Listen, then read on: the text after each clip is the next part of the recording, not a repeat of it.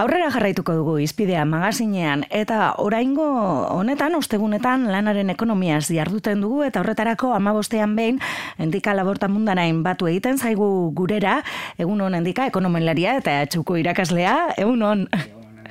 Eta gaurkoan, ba, arrotza egiten zaigun e, ba, termino bat, indize baten inguruan, e, zalkonduko dugu. E, IBEX hogeta bosta askotan entzuten dugu, e, albistegietan, ekonomia kontuetan, e, hitz egiten dutenean, e, baina suposatzen duten entzule askorentzat, ba, olakoak entzun eta, bueno, agian deskonektatu egiten e, dutela, ez? Baina gaurkoan, ba, horri begira jarriko gara, eta azteko, ba, e, jakinaiko genuke zer dan IBEX hogeta bostak, e, zer da, eta e, indize bat da, ez? Bai, bueno, azteko, e, ekonomia zuletzeko ez da burtza inguruan ez ez ezagutu behar, burtza da kasino baten atzera. Eta IBEX e, hogeita magost indize hau e, dutenan e, kasino buruz hitz egiten ari dira normalian. Orduan, e, planteatzen dodana da, apur bat aztertzea zer den IBEX hogeita magosta, e, ulertzea burtzatik kanpo zer lakora dituen eta bar. Orduan, zer da? Indize bat da e, burtzan ba, erreferentzia piloa sortzen dira, erreferentzia da ba, baloreak kasioan negoziatzeko, hori da ba, kasino horretan jokatzeko, eta IBS hogeita egiten duena da, Espainiar estatuko hogeita mabost enpresan dienen ba, baloreak hartu eta egitea bat azbesteko bat. Horren inguruan egiten da, ba, bueno, indize bat zenbaki bat, eta mhm. askotan finantza kontratu pilo bat, eta holakoak, ba, zerren inguruan zeren inguruan e, negoziatuko dira edo zer rentabilidade emongo duten, ba, IBEX 35 hartu, hartu dezakete, ba, erreferentzi modun giza, adiz, batzuk. Mm -hmm. Hipoteken entzako doko ribor. Ba, zenbait kontratu entzako, ba, badago, IBEX hogeita zen evoluzioa. Berez, e, ulertu dugu, IBEX hori dela indize bat, zenbaki bat. Mm Indize bat, baina horren barruan esan bezala, ba, e, badaude enpresa asko, ez? Bai, hor dago... Horri begira egiten. Bai, hori da gero, hortze dagoen trasfondoa. Mm -hmm. Arratu biratzen badugu da, e, Espainiar estatuko eta Euskal Herriko eliteen ba, enpresak zeintzu diran e, oso ondo e, ikusten dirala indizionekin edo oita enpresa horiek ba, ekonomiaren ia euneko handi bat edo maneiatzen dutela. Eta paper handia jokatzen dute ekonomian e, enpresa horiek, ez? Oita maost horiek. Bai, oso garrantzitu da. Azteko, bueno, e, ikustezago zenbat maietan.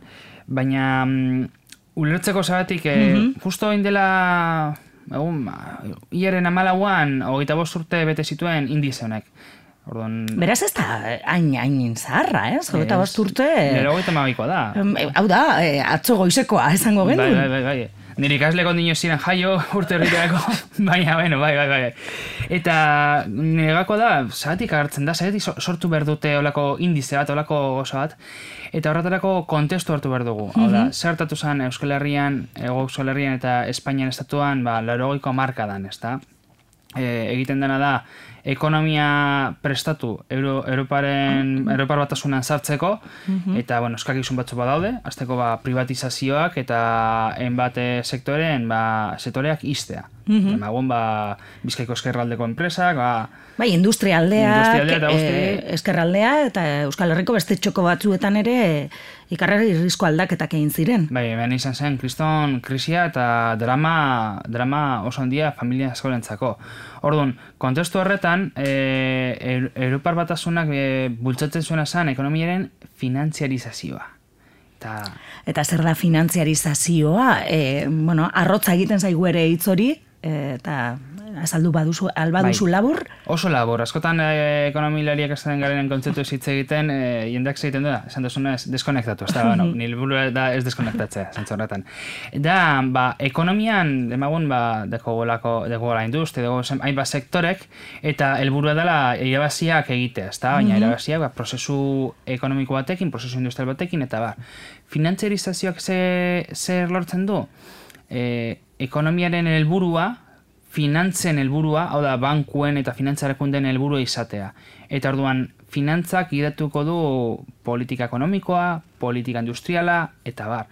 Eta politika sozialak, seguramente, ez? Noski. Hori dena jarraian datorrelako, ez? Bai, eta askotan aipatzen da ekonomia reala eta ekonomia finantzieroa, no, ez naz horretan sartuko hori horro dago ez da handi bat, baina bai, finantzak ekonomiaren e, gidaritza hartzen dutenean, batez be sustatzen da epe laburreko mozkinak, e, espekulazioa eta horrelako ba, jokaerak, ezta? Kapitalismoan oso orokorrak dire, oso nabarmenak, baina honetan egiten dena da apura handitu, ezta? Orduan, laurogek markadan sartzen da, e, industria desmontatu, finantzak eta espekulazioa bultzatu, eta orduan, Privatizazioak e, ikaragarriak iz- izan ziren. hori da, eta orduan agertzen da, hortxe indize hori. Mhm. E, indize horretan sartzen dira enpresa handiak, burtzan sartzen dira, Mhm. eta enpresa horietako askok publiko dira. Mhm. Orduan baita ere izan zen plataforma bat Enpres, privatiz- e, enpresa publiko handi hoiek privatizatzeko, ez? Noski, hartzen badugu telefonika, badau beste ba, gaur e, e, gazen inguruan, elektrizitatearen inguruan, Iberia, Iberia handia, ez da, hor egon zan e, Euskaldun bat ba, hor privatizazio horretan, gero bebekan ibi, izan zen, ez da, ba, IBEX hogeita magoz e, indiz hori sartzen da, pros, e, kontestu horretan, baita ere, ulertu dugu Maastrichteko ituna. Mhm. E, hor e, zer e, adosten da, zer planteatzen da, ba, gaur egun pairatzen ari garen krisiaren ba, zantzuak eta austeridadea, olako neurriak e, gizarteren aurkakoak diranak, ezta?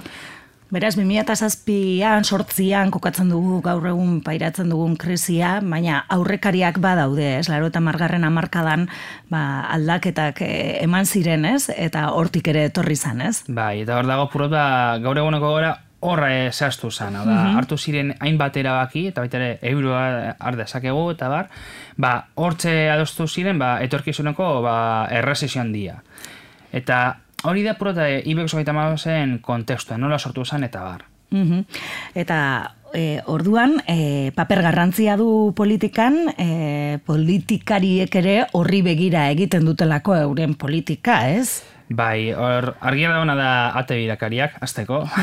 askok, eh, politikari askok eh, pasatu direlako ba, enpresa horietatik edo gaur egun hor daude.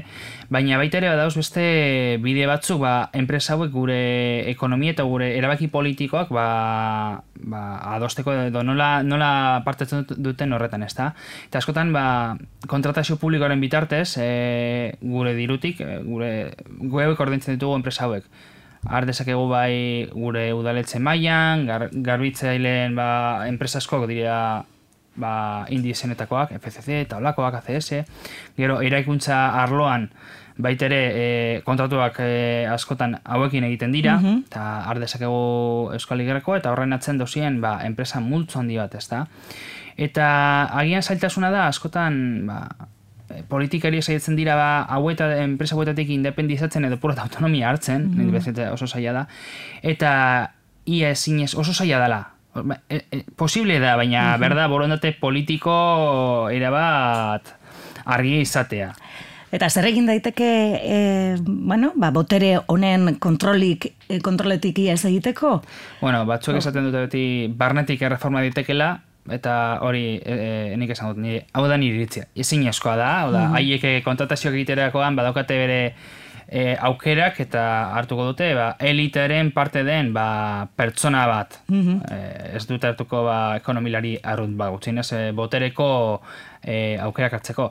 Eta hortikan, bat ez be, beti alternatibak, alternatiba da, badaude, alternatiba ekonomikoak, ninguna hitz egiten ari gara, hau da, energia inguruan, ba, ber- bertoko- berton baditugu, ba, utzinez bi enpresa, hau da, e, goiener eta energia gara.